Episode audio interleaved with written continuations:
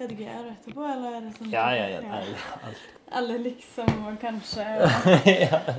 Som jeg nå har blitt bevisst på. Har du lest gjennom teksten i Stue 17-bladet? Jeg har lest begynnelsen, og det så veldig bra ut, syns OK, jeg. ja. Nå. Alle liksom og Ja, det, eh. det, men det er litt færre nå enn det det var tidligere. Egentlig. Ja, ja, ja. Vi har ja, mye. ja, bra.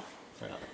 Det var mye. Ehm, Nei, jeg tror det var verst sånn der i sånn litt ungdomsuttrykk og sånn måtte vi ta vekk. ja, det, Kult og fett og nice. Det var kanskje mest på hans sin Ja. side. ja, det er bra å eh, ta vekk litt. Jeg ble så bevisst på når jeg liksom holdt på å snakke og ha sånn foredrag som jeg ikke har eh, forberedt meg til. Og jeg, med denne mm, eh, Nei, jeg tenkte mm, Vet du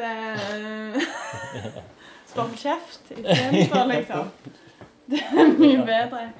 Det var jo sånn som jeg hadde Eivind Egeland i Lunken Kaffe, som spurte om jeg kunne ta vekk mer sånn mm, eh, Ja, ja, ja. Det var for mange av dem. Ja, det er veldig Det blir fort mye er verdens, eh, tankepausene som jeg føler at vi må fylle med lyd, liksom. Ja. Det er noe interessant med det, Ja. kjenner jeg.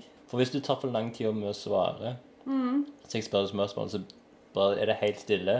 Istedenfor dyr. eh, Som faktisk Så kan du bare klippe vekk. Ikke sant? Det er jo òg sånn der eh, Når jeg har klippet lyd til filmer sjøl, ja. så er det den der når folk har mm, og så begynner de rett i noe nytt, så har du liksom ikke kjangs til å klippe ja, sånn, ut mellom det. Mm. Det gjelder å ha litt sånn avstand mellom ordene man sier. Så liksom kan klippe ut de ungdommens uttrykkene. Lunken kaffe.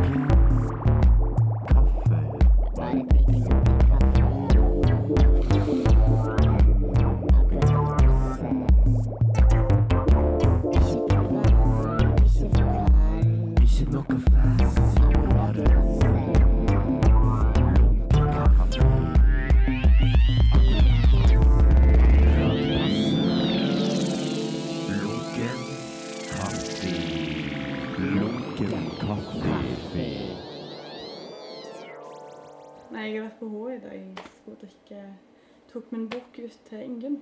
Mm, ja, så bra. Ja, og så drakk kaffe med henne. Og så spiste jeg en sen lunsj med henne på vei hjem på Bryne. Oi. Jeg har to fridager i Stavanger, og det går bare til å møte folk, liksom. Det er så hektisk. Nei, for Ingunn hun har jeg aldri møtt. Og jeg husker hun hun var veldig sånn besatt av å vite hvem, hvem var nå hun. Ja, Men eh, så morsomt. Du må være med ut på åpning på H en gang, Ja. så skal du få treffe noen. det, gleder meg hun er veldig kjekk. Ja, det var virkelig hun som har Hun har litt sånn struktur Ja. på Ja, men kan vi ikke bare sette i gang nå, da? liksom? Litt sånn. Ja. For at eh, det bare skulle henge i luften. Ja. Og vi skriver søknader. Hun skrev det jo rett i skjema. Oi. Liksom, hun skrev det ikke For da var det ikke digitalt i den tiden. Jo, men det i den tiden for, for to år siden. For to år siden, da Nei, men hun uh, Istedenfor å skrive de på papir først, og så klistre det inn i søknaden, så skrev hun direkte inn i søknaden digitalt. Ja. Det var jo ganske imponerende, syns jeg. ja. Eller jeg gjorde det i slutten, for så vidt. Men det som du Eller velkommen til Lunken kaffe. Ja, jo, takk. Line Anda Dalmar. Endelig. På, etter mange hundre episoder. Hvor mange episoder har du hatt? Eh, 100 du kan, 105? Oi, det kanskje. wow. Ja. Kult. Men jeg tror jeg spurte deg ganske tidlig om å Ja, du har spurt meg flere ganger. Det er Ja. derfor jeg gjorde en ekstra innsats. eh, Nå, nå skal jeg stille opp. Men er det litt for at nå liksom Nå skal du ta alle alle ugjorte ting i Stavanger skal bli gjort Nå, skal, ja, nå, nå besøker jeg alle Ja. folk som jeg ikke har truffet på en stund. Og, nei, det er ikke det. Mm. Men jeg tenkte nå hadde jeg tid. Ja. Og så var det litt hyggelig. Mm. Ja. For du har jo nettopp hatt uh, jubileum, eller vært med på jubileumsutstillingen til Studio 17. Den første jubileumsutstillingen. Min, ja, min første jubileumsutstilling. Mm. Hvordan er etter uh, jordskjelvet og den? Hvordan sier det? Etter jordskjelvet. Jo, nei, det For det var jo en, eh, et Det var jo Sprengte var veldig heldige med Det var jo så mye folk som kom, Mm. og det var jo så fullt. Og det var jo veldig bra kake. Ja. Dyr kake, mye konfetti. Det tok jo kjempelang tid å feie opp. For guds skyld. Det var jo, det Ja. konfetti over hele huset nå. Var det du som måtte gjøre det alene? Nei, Eller det var meg og Kaja? Kaja. Ja. Kaja var med. Mm. Så det var kjempefint. Men um, Det tok mange tok et par runder, for å si det sånn. mm. Eh, del sparkling av alle de hullene som uh, Ja, ja, ja. i veien. mm. Men uh, vi var veldig fornøyde. Det var veldig mye folk som kom innom i helgen òg, og det var positiv respons. Og jeg er glad samarbeidet funka så bra òg, Mm. i og med at vi har snakka så lite sammen. Ja. Og det fungerte som en helhet. Mm. Så jeg er absolutt fornøyd. Og minimalt med sånn der eh, intriger og kriser. Det var ingen kriser eller intriger, egentlig. Føltes som Studio 17 i gamle dager. ja, så bra. Mm. Er du fornøyd? Ja, jeg er kjempefornøyd. Det, dere leverte jo alle kjempebra. Jeg, altså Tanken når, jeg, når vi kom på at okay, vi inviterer de tre kunstnere som starta Studio 17 Jeg tror ikke jeg tenkte litt. Jeg tenkte sånn ah, Kanskje at eh, Kaja må levere noe digitalt pga. hun er i New York. Ja. Og så tenkte vi kanskje sånn ah, Gunhild hun har ikke lagd kunst på åtte år. kanskje hun er skriver noe, eller kurator, eller noe sånt. Mm. For det, hun er vel kurator Hun er kurator. Mm. Ja, hun har jo ikke produsert kunst, men dette Nei. ble jo kanskje starten for hun på ny igjen. Ja, kanskje. Kan man det jo se på det. Ja, virkelig. sånn kanskje hun fortsetter å jobbe med utøvende kunst. Kan man Mm. si det, kanskje. Så når det faktisk ble satt sammen, alle produserte kunst, alle var her, Mm. så syns jeg det var, det var liksom helt overveldende. liksom. Det var kjempegøy og bra. Så jeg, Og vi lagde en bok til det, liksom, som òg bare kom på for i juni-juli. Ja, ja, ja, Og så bare ja. ja, vi lager en bok òg om fem år. ja. Jeg liker jo det at man har en veldig glidende overgang i Studio 17. At man bare kommer og går litt. At uh, folk kommer inn i styret, og folk trekker seg ut. og så Ja. at Det er veldig sånn myke overganger. Mm. Men det var litt herlig å få en sånn avslutning nå Ja. òg. sant? Vi fikk en sånn Markheim følte vi ble, gjort litt stas på. Det var, litt, det var veldig fint. Du hadde veldig fin tale. Jeg var ekstremt imponert over det. Og så med blomstene. Det var kjempefint. Det var Mm. liksom, Plutselig fikk vi litt ære for å starte det her. Ja. Og det var veldig hyggelig, Mm. faktisk. At vi ble litt sett oppi det der. Ja. Det var det litt. Ja, men det synes jeg altså, det er jo noe liksom, i hvert fall for meg personlig, så jeg har jo den plassen betydd så sinnssykt mye for meg, så det var Mm. av en annen sær, merkelig ting. Det gjorde jo det for meg òg. Mm. Det, det var jo en veldig viktig plass. Det var jo det som gjorde at jeg begynte å trives Ja, i byen. Egentlig. Mm. Det var jo og det er kanskje litt det den plassen er for meg òg, var han, sy- Var det derfor han begynte å trives i byen? mm, Og jeg eh, og Anna Ja, Jeg tror det er litt. Mari òg. Mari. Ja. Mari. Mari. Mary. Mari òg, ja, for hun òg er jo Ja, jeg tror det er en veldig fin sånn base for yngre og nye Mm. som kommer tilbake igjen og Ja. kunne ta del i å bli introdusert Mm. og bli en del av et større miljø, da. Eller mindre miljø, alt etter sånn. Det er, yngre, det er yngre miljø i Stavanger. Det er veldig flott. Nei, men jeg tror eh, Jeg syns at vi klarte å få til en sånn plass. Mm.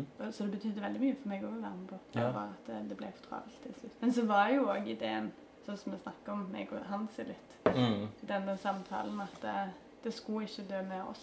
Mm. At målet var ikke å, å lage et visningssted som var oss som personer, det var å lage en plattform som skulle leve videre.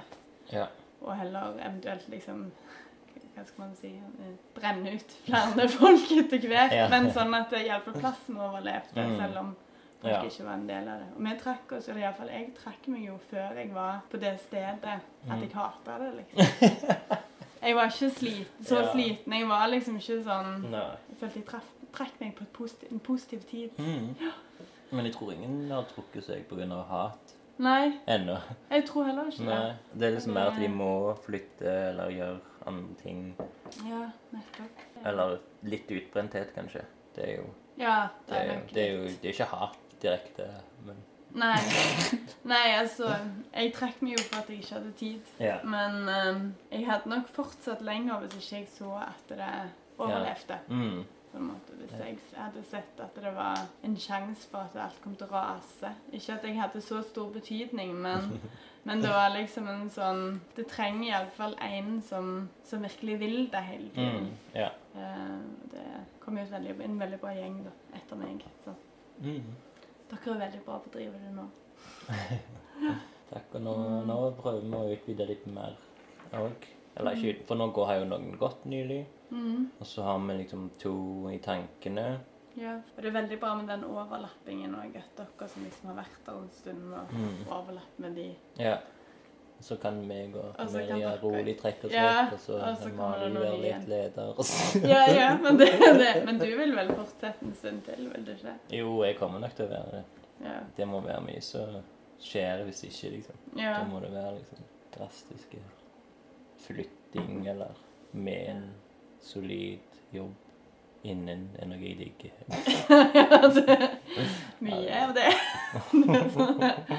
Ja, det du får en sånn jobb som en Hva jobb hadde Ja, det vært det da, det som det, du hadde likt så godt? Jobb jeg digger. Det er jo like Ja. ikke jobb så godt. Nei, liksom. men, jo, men hvis det var noe du eksempel Hvis du hadde fått gjøre sånn podkast, da Hvis du hadde fått en jobb i radio, da, hva hadde du syntes om det? Ja, det hadde jeg absolutt ikke tatt. Det hadde jeg ikke, tror jeg ikke tatt i det hele tatt. Forventninger. Det er jo derfor jeg har lunken kaffe, for det virker ikke som det er noen forventninger. Veldig bra. Kanskje, ja, Hvis du hadde blitt invitert til å ha den som en podkast i NRK, f.eks. Ja, lunka kaffe, kaffe på lunken, eller lunka? Jeg liker lunken. Lunken, ja. Ja. Det er litt sånn Lun, Lunken. Lunka blir litt sånn for, for Stavanger. Ja, lunken er litt sånn Eiganes. Jo, det er kanskje det. Ja, det er litt sånn penere. Jo. Ja, det gjør meg ingenting. Jeg er fra Hillevåg. Så du bare bryter med bakgrunnen din. Hillevåg sier du er lunka. Ja, de sier lunken. Sier de lunken på Hillevåg? Nei, jeg tror ikke Men jeg sier jo, bruker jo selvskryt. Ja. Sånn istedenfor sjøl-skryt. Jeg liker ikke sjøl så godt. Nei. Meg Selv. Meg selv. Meg selv vil. Meg sjøl. Nei. Nei, ikke, ikke meg. Ikke meg, men meg. Meg er bra. Ja. Men Jeg, bør, jeg snakket ganske pent. Ja. På skolen. Hva er skolen? Jeg begynte på Eikanes. Oh, ja. Men jeg, jeg snakket ganske pent. På barnetrinnet.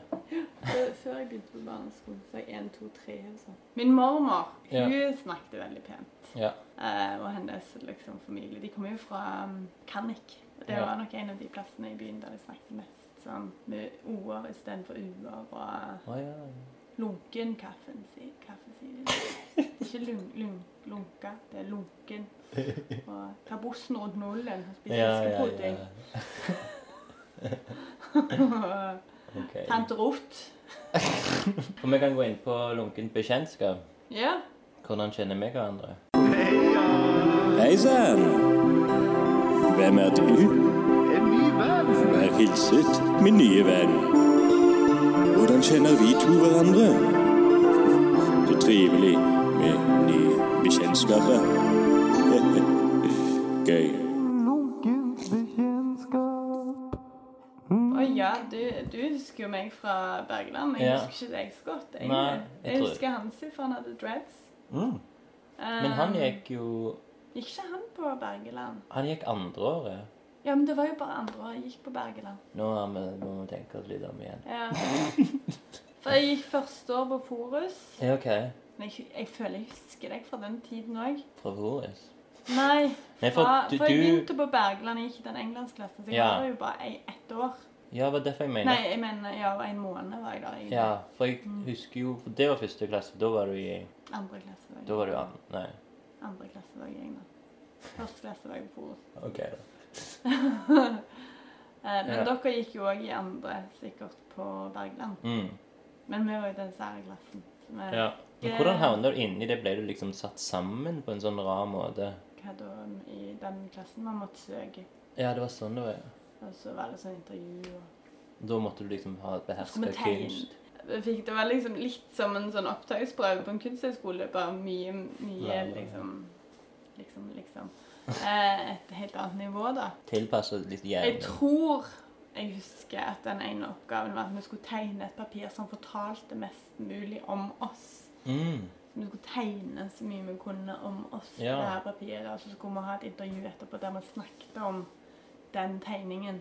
Det høres veldig pedagogisk ut. Ja, ja, ja. Veldig, kanskje litt sånn som å gå til en psykolog. Jeg har ikke peiling når jeg snakker om det. Jeg har ikke tenkt på dette siden da. Men husker du hva liksom, du tenkte? Hva var deg liksom i en alder av 16, 17, Det er 17 sikkert? sikkert alle fritidsinteressene mine. Ja, ok. Som var Judo og fiolin og klatring og sikkert katten min. Um, Judo er jo litt spesielt. Jeg hadde, gikk judo i åtte år. Oi. Jeg har hjulpet min mor å rydde i kjelleren de to siste dagene. Da Mm. fant jeg blant annet en kasse fra ungdomsskolen. Og alle snakker liksom at de tidlige tenårene er de mest pinlige. Jeg syns egentlig de der siste tenårene er enda verre. Ja, alle ja, de ja. tingene man kjøpte. Hva musikk jeg hørte på. Alt sånne der håpløse ting. Helt sånn angst. Jeg sånn, Som Skulle var på studietur i Praha. Alle de merkelige suvenirene jeg har kjøpt derfra. Alt gikk til loppemarked nå. Ok, Kan du nevne navn på noe av det? Det var liksom sånne Blant annet to tekopper som er skeive. De står Ja. liksom i denne her retningen. Skikkelig stygge. Eh, Jeg, jeg skjønner Men kom du tilbake igjen sånn ah, jeg var på grunn av jeg var litt sånn akkurat da? Jeg tror, jeg tror bare Kanskje jeg sleit med å vite helt hva jeg ville. Jeg har også fra, den, fra den turen har jeg en hel, et helt fotoalbum med bilder av bare sånne bygninger i Praha. Det er helt totalt uinteressant. Ja, det, Hva skal man gjøre med et sånt fotoalbum som er fullt av bygninger og Å, du er opptatt av estetikk. Ja. Her har jeg vært. Og der òg. Å, ja, det er mer sånn. Ja. ja, i hvert fall for det med den Englands-greien. Mm. Det var jo Da vi begynte å og så var det 15 elever som ble plukket. Ja. Jeg ble veldig opptatt av denne englandsturen, men Mm, ja. det var nesten som at det var en sånn romskip som kom og tok dere, og så forsvant dere. For, Ja. Altså for min personlige Ja. Og så kom du tilbake igjen, og var liksom for, alle var forma av kunstnere når de kom tilbake. ja. England, ja. Alle hadde kledd seg litt annerledes. Ja, de var jo kjempekule. Det var jo überkult å være Jeg hadde reist med sånn langt blondt hår og fletter, og så kom jeg tilbake med sånn svart. Og så, og så litt sånn Da var jeg sånn fjell jeg gikk i fjellet, jeg var skinnstruktør. Hadde blondt, langt hår og var litt sånn solbrun. Og så kom jeg tilbake som en sånn der bleik pudding med svart hår med oransje tupper. Ja. Så jo helt grusomt ut. Ja, det var liksom min sånn vet tur husker, etter England. ja, og så husker han Yngve Sortland. Yeah. Han òg var liksom en helt annen fyr. Så hadde jeg merket at han Anders eh, Emil eh, Mm. Sommerfelt, som òg yeah. var der, han hadde kopiert litt stilen hans, den yngre. ja, det kan godt være han gjorde, faktisk. De, de ble jo veldig gode kompiser. De ble ganske like. Det var litt morsomt. Det har jeg ikke tenkt på, men ja.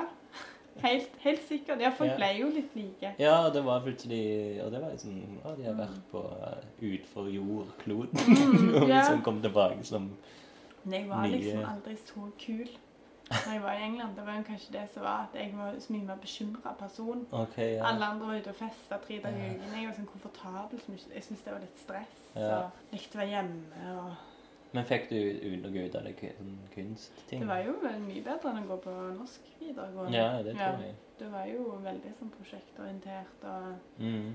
Ikke så opptatt av kladdemerker og avtrykk på. Um, det var kjempepositivt å gå Ja. der. Men Det- når du kom tilbake igjen, for da tok du tre, tre fos, da? Ja, ti timer norsk i uken. Og, og, og, en, og en kunstner eh, Igjen en sånn tegnelærer som bare var opptatt av kladdemerker. Tilbake igjen til det, da. Ja. Men det, det gikk jo bra. ja. Det var deilig å være ferdig med videregående etterpå. Ja. Men gikk du rett til kunstskolen? da? Jeg gikk et år på folkehøyskolen. På teater. Judo? Å nei, teater, ja. Mm, så jeg gikk på sånn sminke- og kostymelinje OK. på Romerike folkehøgskole. Bare sånn skuespillerspirer i Norge. Men det var litt sånn typisk alle de som har hatt hovedrollene i, på dramalinjen på videregående Mm. og i barneteatrene rundt i landet. Okay. De var da samla på denne skolen her. Ja. Med 100, ja, det var kanskje 80 sånne, og så var det 20 designelever. Og alt handla om produksjon. Mm. Det var liksom sånn Tiny Divas som kom inn på den skolen. Men hva ville du der oppnå Jeg ville jo jobbe med Det var en sånn Sminke? Ja. Jeg jobbet med spesialeffekter. Ja, ok. Det var veldig kjekt. Det, det var vel en sånn forsøk på å gjøre noe litt mer normalt. Hvis jeg kunne få en jobb, liksom. Hvor smart okay, er ikke sånn, det? ja. Istedenfor å bli kunstner. At jeg ville Som- være en del av et produksjonsteam, da. ja. Men var det litt pga. mor di sin haugekunsten at du ville gjøre lite Ja. opprør der?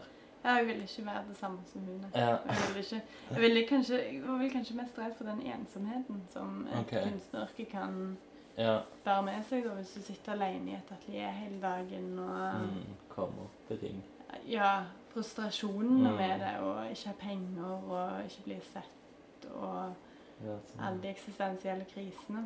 Og alle stipendsøknadene. og- du var klar over alt dette når Jeg var sånn helt klar over liksom? dette, ja. Ja. Jeg har fått inn det med morsmelken. Ja.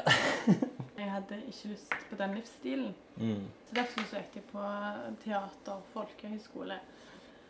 Og etter eh, et år med det så innså jeg at jeg ville ikke jobbe med teater.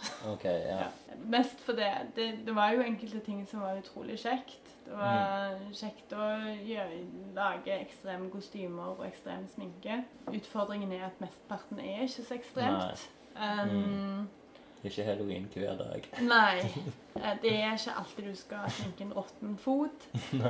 Eh, og så Det var det som var favoritten. Ja, så sår, sår og sånn groteske ah, ja. ting. Det var kjempekjekt. Ikke så bra på å jobbe under Regissør. Nei, altså det er jo så mange som har meninger om hvordan ting skal Ja. være. Jeg ville være helt fri. Så jeg eh, husker at jeg dro på Etter det så fant jeg ut at jeg ville bli grafisk designer. Mm.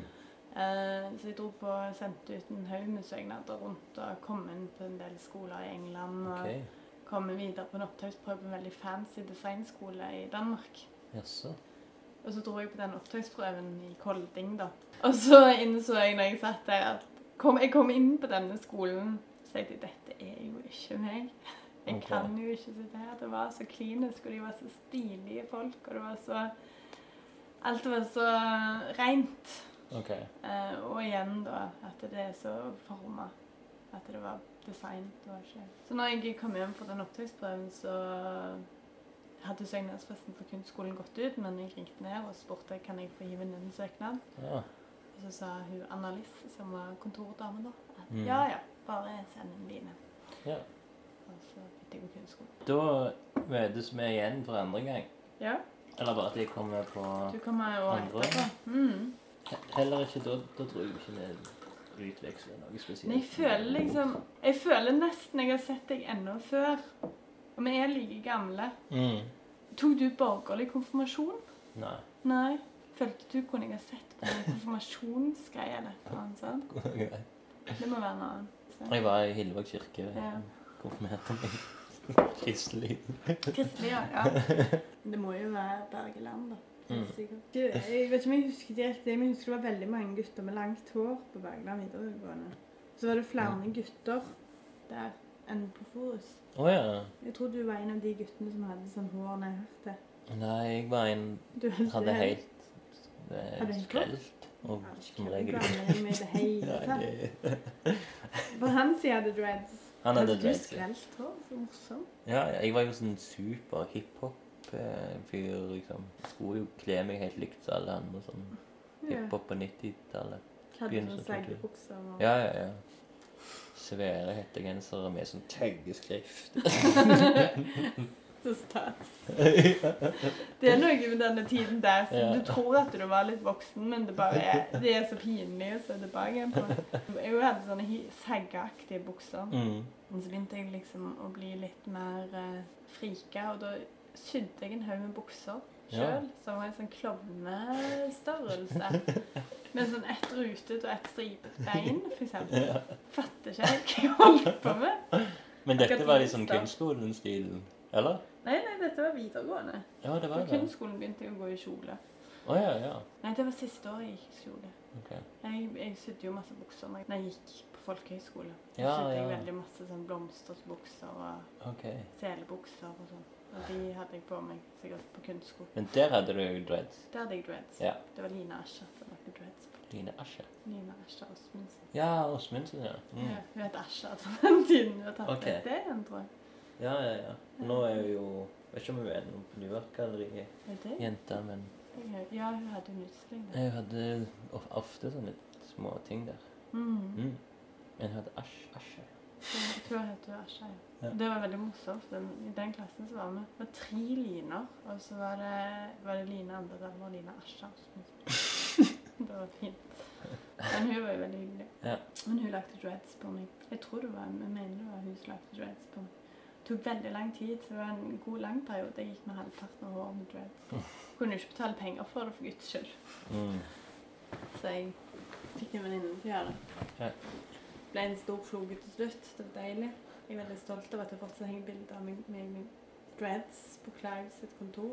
Gjorde det det? Mm. Bare det? Meg og Ingunn Lystad. Ja, hun, ja. Og vi tok en selfie som vi ga til Clive i julepresang. Men Der møttes vi igjen, i hvert fall. På, hos På Kleiv? kunstskolen. Ja, det var Ja. andre gangen da, da vi ikke eh, heller pratet. Vi snakker jo egentlig ikke i det hele tatt, tror jeg. på kunstskolen. Nei, jeg, jeg har ikke minne av det. Nei, for du hadde en kjæreste som var venninne med Ingunn. Ja, De spilte håndball sammen og var trøndere begge to. eller et eller annet sånt. Jeg tror det var på en måte grunnen til at jeg visste hvem du var. Jeg visste jo, Du visste jo hvem alle var på kunstskolen. Men de la litt mer merke til deg da i den relasjonen. ja sånn, ja. ja. Så danste du jo. Du var med på en eller annen dans på Jeg tror ikke du husker det selv, men det var en Var sånn med på en dans. Ja, det var, det var på en fest. Ja, men det var avgangsfesten vår, sikkert, som dere lagde oppe i Birkelands gate. Jeg hadde tenkt på Birkeland. Birkeland. Eh, Dal, det. Birkedal, ja. Og så er det Birkeland. Birkeland. Jeg tror jeg skal kalt deg Birkeland ganske mange ganger. Ja, det, er- men det er du ikke alene om. Eh, Til og med rett før vi skulle trykke denne Studio 17 fem år, Ja. så sto det liksom redaksjon Espen Birkeland. Så Det det liksom Benjamin som bare skrev det inn. Så var det sånn Ja, kan dere rette på denne Heter det profonotonen, eller hva det heter? Det er altså den første sida der. Og det står info. Og så sier jeg som Mari sånn Ja, det kan jeg gjøre. Og så skriver jeg bare sånn Ja, så lenge det fins på etternavnet mitt. ja. Og så sender Mari meg Ja, hva syns du nå? Så alt er liksom rett utenom. Så, så, så er det en vits. Det er litt vanligere med Birkeland enn Birkedal. ja. Det er derfor jeg som regel kaller meg bare Birk. ja. Espen Det Birk. er litt- jeg er lei Det har jeg aldri tenkt på før du sa det nå. Men det var jo lurt. Ja. Det er Safe, liksom. Ja, det Ja. Alle forstått Birk. Land eller dalen hvor jeg er fra. Hvor Jeg rød En rødhåre. Det er jo en Ja, ja, ja. sånn. Jo, jo. Og så datt ned sprekken eller Ja, ja. Det var et spennende kapittel. Nei, men i hvert fall på den festen oppe i Ja. Birkelands gate, mm. Så var det du og hun May-Linn Ja. med rødt hår og Mm. Ingvild som hadde et dansenummer. ja, det kan godt være. Ja, dere hadde sånn der eh, diskodans. Mm, vi var jo litt sånn kunsttrio med Ja. performance-trio. ja, det husker jeg veldig godt. Det var sånn diskodans. Så tenkte jeg wow, shit. Ja, jeg husker ingenting av det. Jeg husker det godt. Ja. Nei, men så um, møttes vi jo ikke igjen før Studio 17 Yeah. Mm. Men, men når vi snakket, så var det sånn Ja, ja. Det er sånn, nesten som det var sånn Vi hadde begynt snakket for lenge siden. Men Ja, det liksom ja. bare fortsatte noe som egentlig aldri begynte. Ja, men det, det er litt sånn min strategi òg. Er det det, ja? Jeg syns det er mye lettere å snakke med folk hvis jeg later som jeg kjenner dem fra før. Ja, sånn, ja. At jeg bare um, begynner å snakke som om vi alltid har kjent. Ja, Og da slipper du en helt sånn awkward periode der du skal bli kjent. ja, ja, ja sånn, ja. Og jeg opplever også at folk syns det er liksom tilfredsstillende å Ja. bare være i en sånn Absolutt. dialog. Du òg er jo litt sånn at du trenger ikke en Introduksjon. Nei, at det er litt sånn casual. Du trenger ikke intervjue personen før du blir kjent med den. Ja, ja, ja. Jeg liker jo best å snakke rundt alt Ja. før liksom jeg kan si Hva heter du? Ja, ja, Sånn, nettopp. ja, Det formelle Det, det formelle det trenger du hvis du ikke har noe annet å snakke om, Mm, tenker jeg. Ja. Hvis det er sånn at det, samtalen står fast, ja. så må man ha de der Ja, ja, hva har du gjort de siste årene? Jeg tror aldri jeg har spurt deg om det. Nei, det er derfor jeg òg Det er litt av denne snakket her. Hva gjorde du imellom Bergeland og Eh, Nei, jeg mener kunstskolen. Og Studio Og- 17. Ja. Så eh, det det- var jo veldig mye.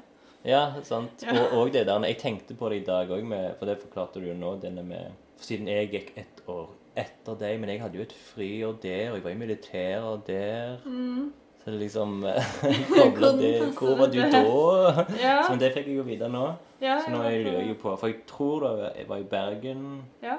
studerte der. Ja, jeg gikk i Bergen i tre år, og så var jeg jo på utveksling i Buenos Aires, Ja. faktisk. Da husker jeg kom inn både i Trondheim og i Bergen, så var de så kjipe i intervjuet i Trondheim. Det var helt forferdelig intervju. Det var så uhyggelig. Og i Bergen var de så trivelige Jaha. at jeg valgte Bergen derfor. Og Ja. da gikk jeg jo på foto. Oh, ja, ja. Jeg gikk tre år Det er derfor foto. du har vært fotolærer på kunstskolen? Ja.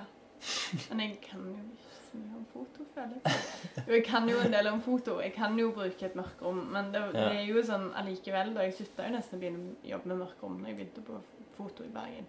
Okay. Men det er veldig logisk. Alle sånne tekniske ting er ganske logiske for meg. Men hva var det du stilte ut på avgangsutstillingen på kunstskolen? Var det fototing? Ja, på kunstskolen Ja. da hadde jeg jo Oi, det var flott Flott prosjekt. Når jeg ser på det i dag, så hadde det veldig potensial, men i en helt annen retning. Ok. Ja, for jeg, jeg, eh, var veldig interessert i sånn digital digitale manipulering og sånne ting. ok. Så jeg lagde sånne rollespill. I utgangspunktet så Veldig lenge siden det prosjektet har blitt snakket om. Det begynte vel som en sånn slags idé om at jeg skulle teste ut ting som jeg godt kunne tenke meg å gjøre i livet, men som jeg visste jeg aldri kom til å oppnå. Ah, ok. Det første prosjektet jeg gjorde, var egentlig bare å lage et klassebilde av klassen vår, der jeg lot som jeg var alle de forskjellige klassen. Ja, det husker jeg. Ja, jeg. hadde hadde sånn rollespill. Ja. Du kledde deg i de klær Ja, sånn. og kledde meg liksom og hadde deres image og Mm.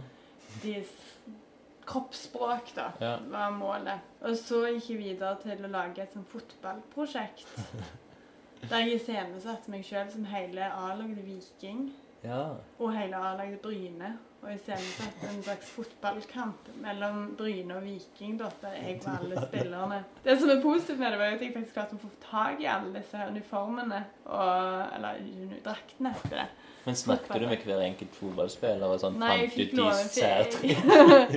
Nei, og det var jo det som var Der var det egentlig et ganske flatt prosjekt Mm. ennå. Det var vel mest bare fordi jeg hadde lyst til å teste være fotballspiller.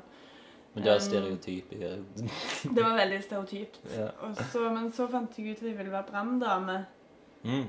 Uh, så jeg jobbet vel fem Jeg ble satt med ett vaktteam på brannstasjonen. Mm. Så jeg jobbet med i fem uker, tror jeg. Eller tre uker. Tre eller fem uker. Og var med de på hvert skift. Og det jobbet jeg jo ikke, jeg bare fulgte de på alt det de gjorde. Tenkte du å bruke den der eh, Pålen og- Pålen, og jeg hadde uniform og hjalp jo å vaske biler og så på veldig mye fotball. Det var jo stort sett det som skjedde. Jeg var med på øvelser og sånn, fikk være med i snorkel. Var det kjekt? Det var kjempekjekt. Mm. Det var faktisk helt fantastisk. Eh, det var nok det mest første sånn relasjonelle prosjektet jeg gjorde. Ja. Som handla om å gå inn i et miljø, og det er vel Mm. det jeg har fått ut av det seinere. Ja. Det er den der eh, å gå inn i et miljø, ta pulsen på et miljø Mm. og bli kjent med mm, mennesketyper. Og det var vel det som jeg seinere ville ha gått inn på, hvis jeg skulle tatt opp det prosjektet igjen. Ja. En ting var at det var jo ingen damedo på brannstasjonen. det Det, det er jo det nå. Ja, ja. Men når jeg var der, så hadde det aldri vært ansatt en kvinnelig brann. Wow. 2005. Ja, Og det er ganske på brannstasjonen i Stavanger. Det var bare sykt. menn. Så jeg var den eneste kvinnen. Det kom visst en kvinne året etterpå. Og var, På grunn av deg. Ja, selvfølgelig. Nei, jeg tror ikke det. Det var vel flere søkere, men eh, Og jeg tror det er flere nå. Men Mm. det gjorde at det var et sånn ekstremt mannsdominert miljø, Ja. samtidig som det var veldig mykt. Ah, De var sånn kjempesofte, disse fyrene. Og det var vel kanskje det som var mer en interessant eh, vinkling, da, og de personlighetstypene jeg fant der, som var spennende. Mm. Men jeg endte jo opp med å iscenesette meg sjøl som alle de òg, Ja. som en sånn karakterer. Ja.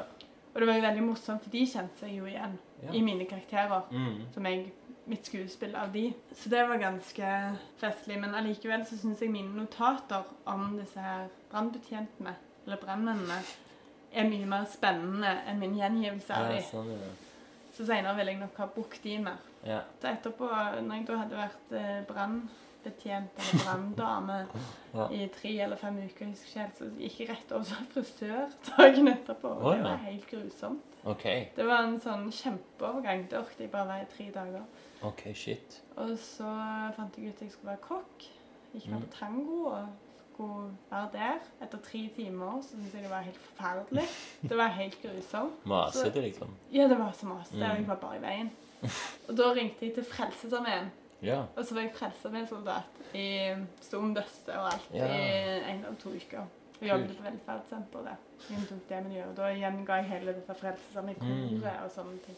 ja, det er veldig kult. Så da ble det kanskje mer tilbake igjen til at det ikke var så mye om personene. Da handla det kanskje mer om meg igjen. prosjektet. Og mer den idealismen i de ulike yrkene, kanskje. Mm.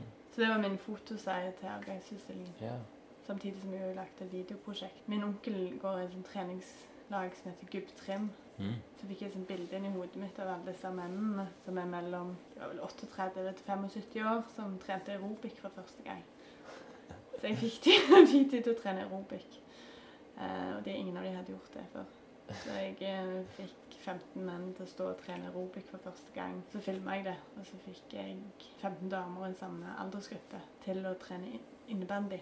Som var det Gubb Trim egentlig gjorde. Og det var jo en gruppe med eh, damer som kanskje ikke hadde spilt så mye bandy. da. Så Mm. var veldig interessant hvordan de holdt denne Som jeg òg Ja.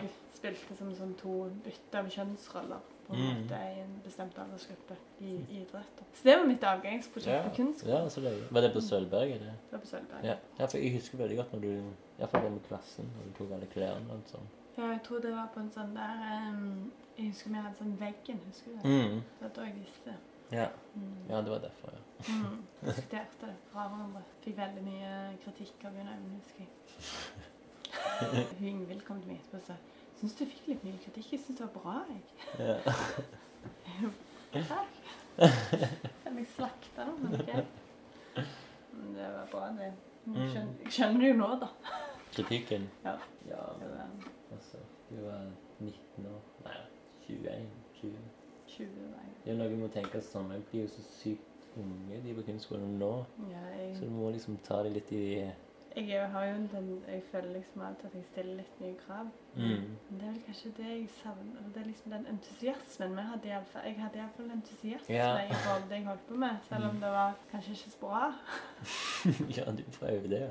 Prøvde i hvert fall. Jeg gjorde en innsats. Det høres jo bra ut. Altså Hvis noen hadde gjort det, de prosjektene nå, så hadde jo du vært høy klasse, liksom. Eller Ja, eller det hadde vært ambisiøst, kanskje. Ja, det er kanskje det, da. Det, det, Iallfall det at det med var det det var. At, å eh, vie deg sjøl i mange uker til ja, at jeg virkelig gikk inn for det, og at jeg fikk Mm. alle disse 15 personene, og at jeg da mm. fikk så mye kontakter rundt om i byen at når jeg skulle ha disse damene til å trene innebandy jo ikke hadde gymsal, så kunne jeg bare ringe til brannstasjonen og fikk låne Mm. deres gymsal. Det? Ja, ja. At uh, nettverket ble hele tiden sånn Mm. bygd opp nettverk innenfor helt andre yrkesgrupper. ja. Var du aktiv til å gå rundt på åpninger og sånne ting på den tida? Jeg var det, ja. Mm. Mm. Hva var det da det var som skjedde? Det var jo Kunstsenteret og og Kunstforening, som det kalles hit, Sult. Kunstmuseet var der jo òg. Jeg husker det var mye som skjedde på Tau. Ja. Det var jo da New York begynte. Jeg husker jeg var, ja, det var fordi, jeg var um, frivillig på den første New Ja, ok. Faktisk. mm. Da var det en litt annen um, Da var det òg Martin Lund Bø som jobbet med det, tror jeg. Og Margrethe. Ja, Mm. Så da var det nede i garasjen, blant Ja. annet. Jeg satt der og frøs. Så fikk vi da sånn Da fikk vi sånn gratis festivalplass til ny pass til Ny Music Ny Festival. Music, ja. Da var vi på Datarock Ja. og Elastoplastikk-sendingen. Det var helt superkult. Det var veldig rått. Jeg var mye med de som gikk i andre klasse òg. De Reidun Gjengedal og True Solvang. ja, True hun er lærer nå. Ja. Mm. Men jeg, jeg møtte jo aldri de. De, hadde, de var overført fra kunst, eller de hadde egentlig gått på kunstskolen i Bergen og sittet andre året i Rogaland. Mm. Så de var jo litt nye, da. Ja, sånn, ja. Ja, Så vi var en del på tau, da, Mm. Det er jo så lenge siden. ja. Jeg tenker ikke over Eller jeg har tenkt, jeg kanskje tenkt mer over det, det siste, hvor lite jeg husker Å ja. fra den tiden òg. Fra kunstskolen i Rogaland. Det er veldig mye som eh, har gått vekk. Ja, sånn, ja. Det er sånne fragmenter som sitter igjen. Så Ja. sov veldig mye på sofaen. Nei, jeg husker heller ikke så mye fra kunstskolen. Nei. Men det, for jeg prøver også å finne ut om jeg faktisk gikk på utstillinger i det hele tatt Å ja. på den tiden. Men jeg tror, det tror tror jeg ikke jeg gjorde. Gjorde Altså. du ikke det? Jeg kan ikke huske noe. For. Mailen gikk jo på utstillinger. også, Ja, ja. I hvert fall. hun var jo som den energiske og liksom Jeg husker jo Tau, at vi gjorde ting på Tau Mm. på grunnskolen. Og på Kino Kino, før det ble Kino Kino. Nei, det var etter jeg var flyttet Ja, for det, det var de andre året. Og så var vi på den der Hva het han Karma? eller Den frisøren der som var, var en bar. Ja! Det var veldig rart. Den var Hvor skikkelig inn. det var henne? Det var nedfor Sting. eller? Ja, ja, ja. Den hadde jeg helt glemt. Ja. Det er jo et så merkelig konsept. Mhm. Og det husker jeg var veldig sånn kult. Det var alltid der vi gikk. Ja. Det var en stamplass. Vi gikk der oppe på Sting. Sting Ja, ja det gjør sikkert vi òg. Jeg var jo der òg var jeg var bare ikke kul nok. Jeg, var jeg syntes det var kjempeubehagelig å gå på Sting nede. Jeg syntes det var bare sånn lukten av svett og øl og spy når du kom inn.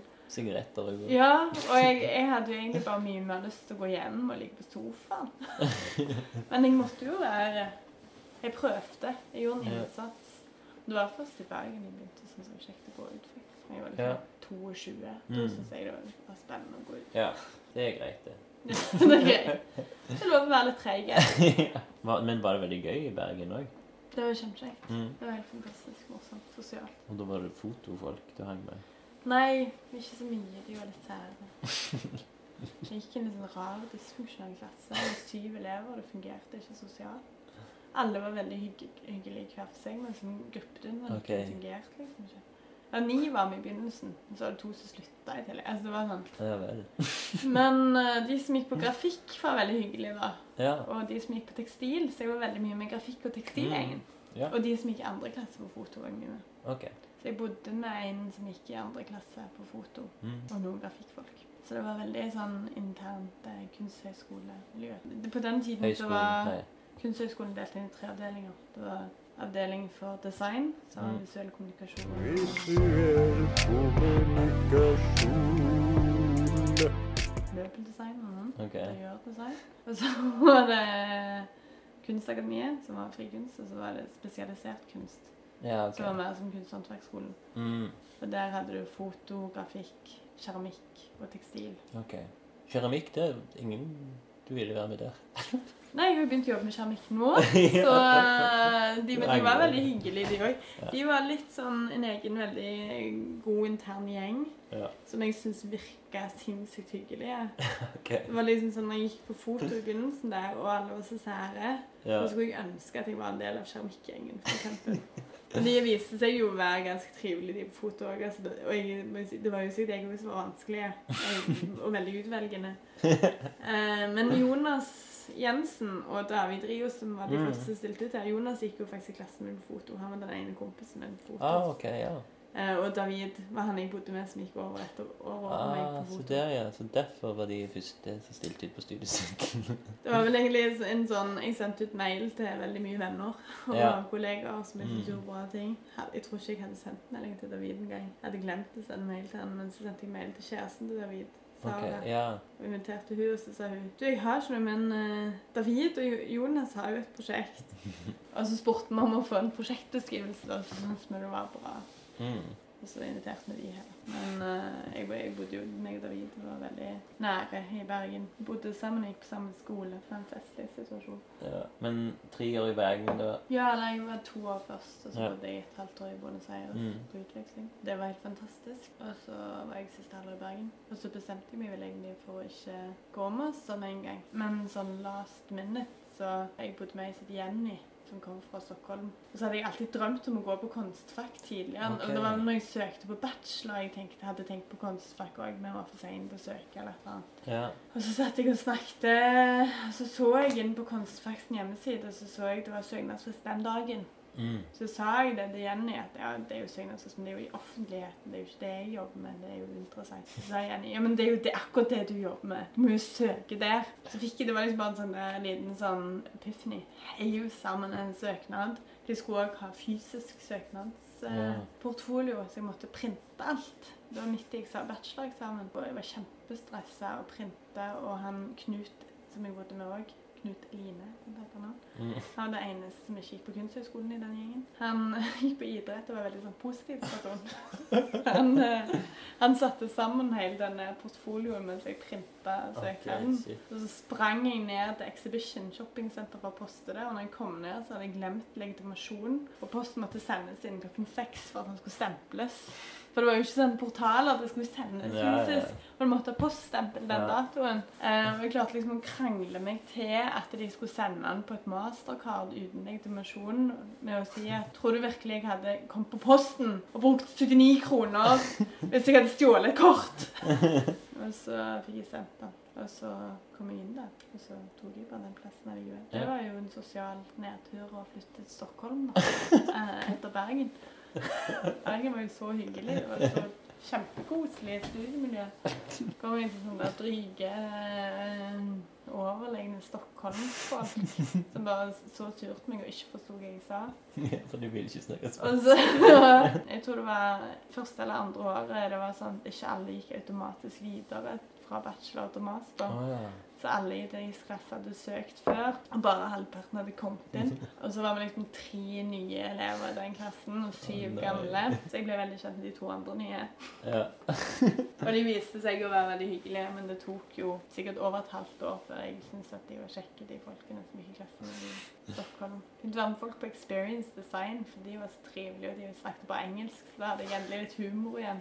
Svenskene fatta jo ikke sarkasme, de tok alt jeg eh, sa alvorlig. Bare en sånn overdrivelse som, som liksom Nei, det har jo skjedd sikkert tusen ganger. Tusen ganger!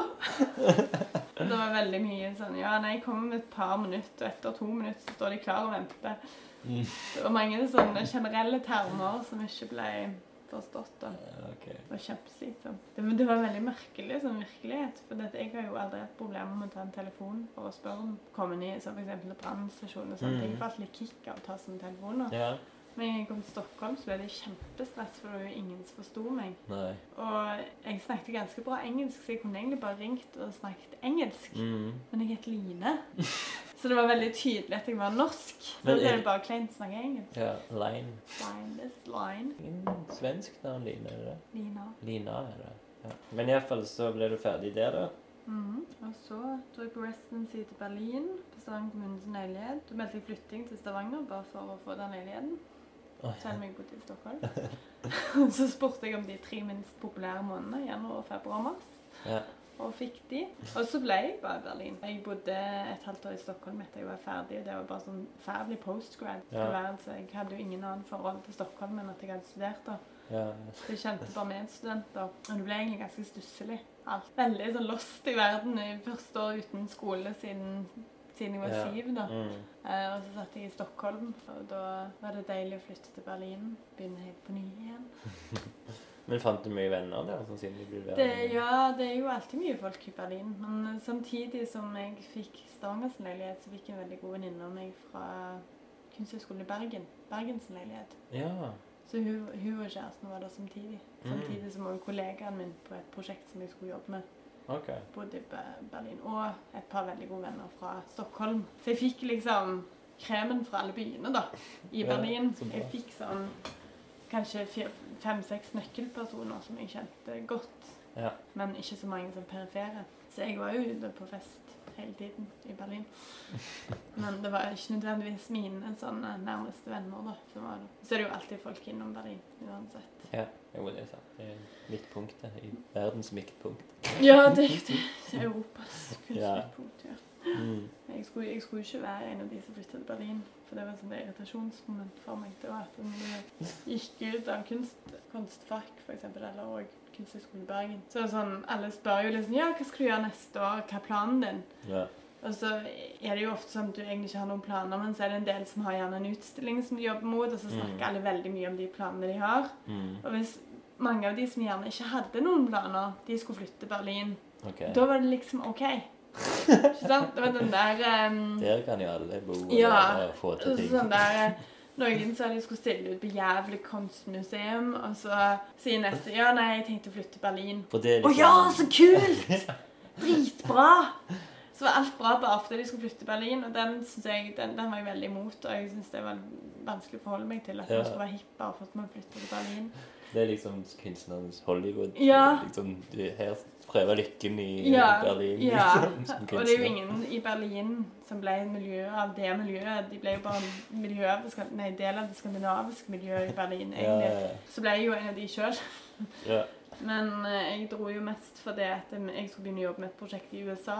Mm. Og min kollega bodde i Berlin, så det er derfor jeg begynte for at vi skulle starte det. da. Mm. Så var jeg et halvt år i Berlin, og så tror jeg jeg jobbet der på sykehjem i to måneder, tror jeg. Og så dro jeg til USA hele til Minnesota, for å starte det prosjektet. Da har vi kommet sånn til 2011 nesten, kanskje? 12? eller? 2000. Nei, 2010 var det vel. Seks måneder i Berlin, to måneder i USA. Eller én måned i USA, to på sommeren der. Juni-juli. Og så var jeg i august i Namsos. Og så var jeg i oktober, november, desember i Kristiansand. Okay. Ok. sånn.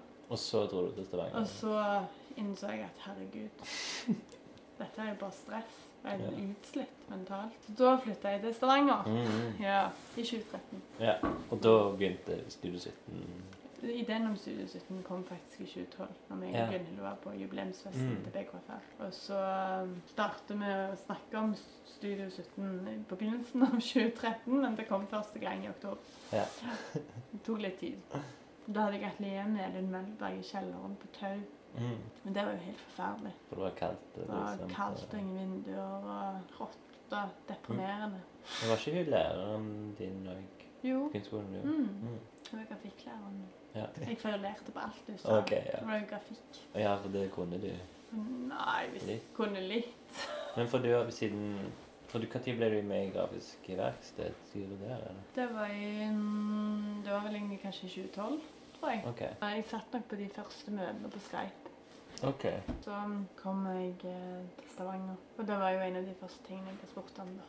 Jeg, Mm. så var jeg kunne gjøre noe på Trykk 17. Mm.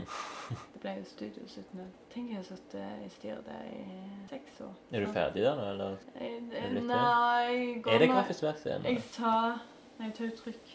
Ja, fordi Tautrykk Grafisk Verksted Stavanger. OK, så det er en skrå, sånn skråstrek En Bindestrek. tror jeg. Nei, det er ikke det. Ja. Eller som en undertittel. Grafisk Verksted. ja, sånn, ja. Mm. Mm. Ett grafisk verksted. grafisk verksted i Stavanger. Ett av alle. ja. Så denne perioden så gikk jeg egentlig inn for ett år. For det okay. at vi var midt i flytting. Og i, i og med at jeg og Mona deler styreledervervet, Å ja.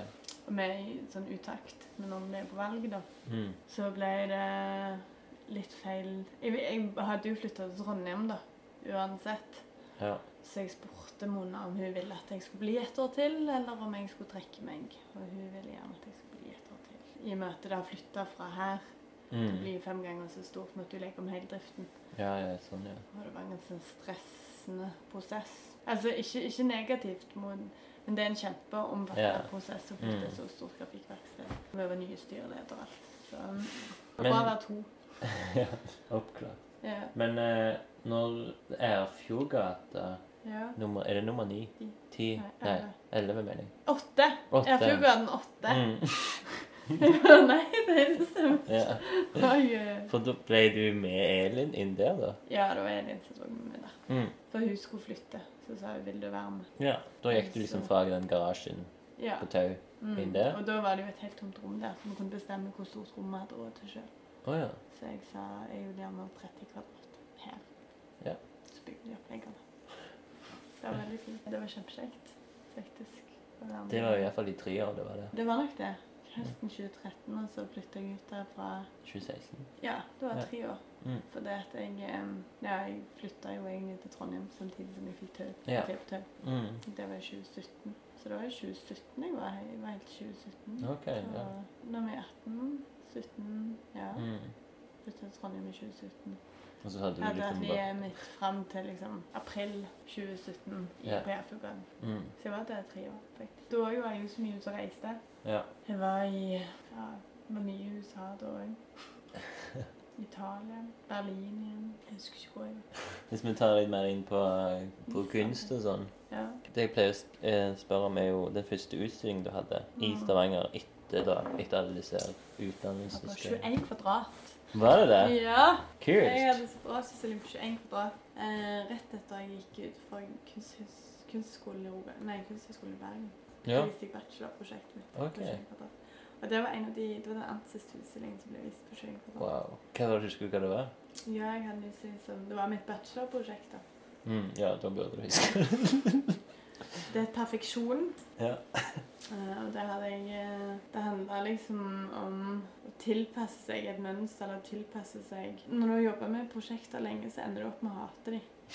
Uansett, så jeg klarer ikke å snakke noe fint om det prosjektet prosjektet lenger. Da jobbet jeg faktisk med foto. Mm. Så jeg, og jeg hadde vært i Argentina et halvt år. Og øh, jeg hadde egentlig blitt veldig opptatt av sånn plastisk kirurgi. Mm. Fordi at eh, det var en sånn sterk fashion innenfor plastisk kirurgi i Buenos Aires. Folk opererte seg Ah. etter mønster. De opererte seg like. Eh, så det var sånn at den presidentfruen som var Eller hun som ble president, hun var jo den gamle presidentfruen òg. Eh, okay, wow. hun Trist. kjempeprodukt.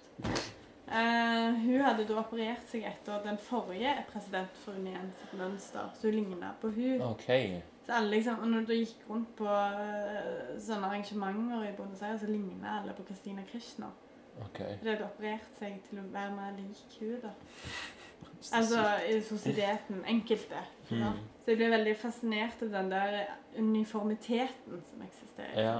Så det jeg gjorde, det var at jeg eh, tok um, portrettert Jeg tok portrett av um, 18 k- unge kvinner som jeg manipulerte etter som perfekt mønster. Okay. Sånn at de ble helt perfekte i ansiktet. Så det er liksom, Uh, Ut fra beautyanalyses.com beautyanalysis.com. Det var jo før det kom sånne apper som gjorde det for deg.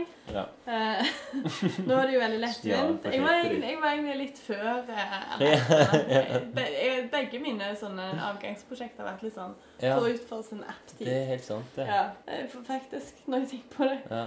Så jeg lagde en Det var en portrettserie med 20, 20 portretter av unge kvinner som så nesten like ut. Sånn Mm. stirret rett fram og så helt tom ut i blikket. Hva folk var det du tok bilde av da? Det var jo bare folk på skolen. For. Ja. Så var det jo altså det var en sånn lang prosess, så jeg måtte jo få inn modeller hele tiden. Ja. Og uh, først så tok jeg alt digitalt, og så ble ikke det bra. Så begynte jeg å jobbe med et Mamiya-kamera, et mellomformatkamera, og det var veldig bra, men så ikke jeg tom for batteri eller noe sånt, og begynte med et hasselblad, og så ble det feil. Når de tar det om igjen, så, så I slutten så var det sånn at jeg sprang rundt på huset og bare fant tilfeldig random folk yeah. på skolen Mm. som satt på kveldstid og jobba. uh, men um, i begynnelsen så hadde jeg jo sendt ut mailer, da. Men jeg kunne ikke spørre folk om igjen og om igjen. om igjen. Så. Og så var det òg det for først så tok jeg de med genser på. At de liksom hadde klærne på. Ja. Men etter hvert så innså jeg at genseren ble veldig distraherende for den anonymiteten som jeg ønsket å oppnå. Så jeg måtte Ja, liksom ja. ha det her bart. Oh, ja. Så måtte, jeg ta de to runder der òg. Så jeg måtte få folk til å komme ned og kle av seg. og bli tatt bilde av. Veldig bra. Ser litt ut ringing, så gikk helt bra.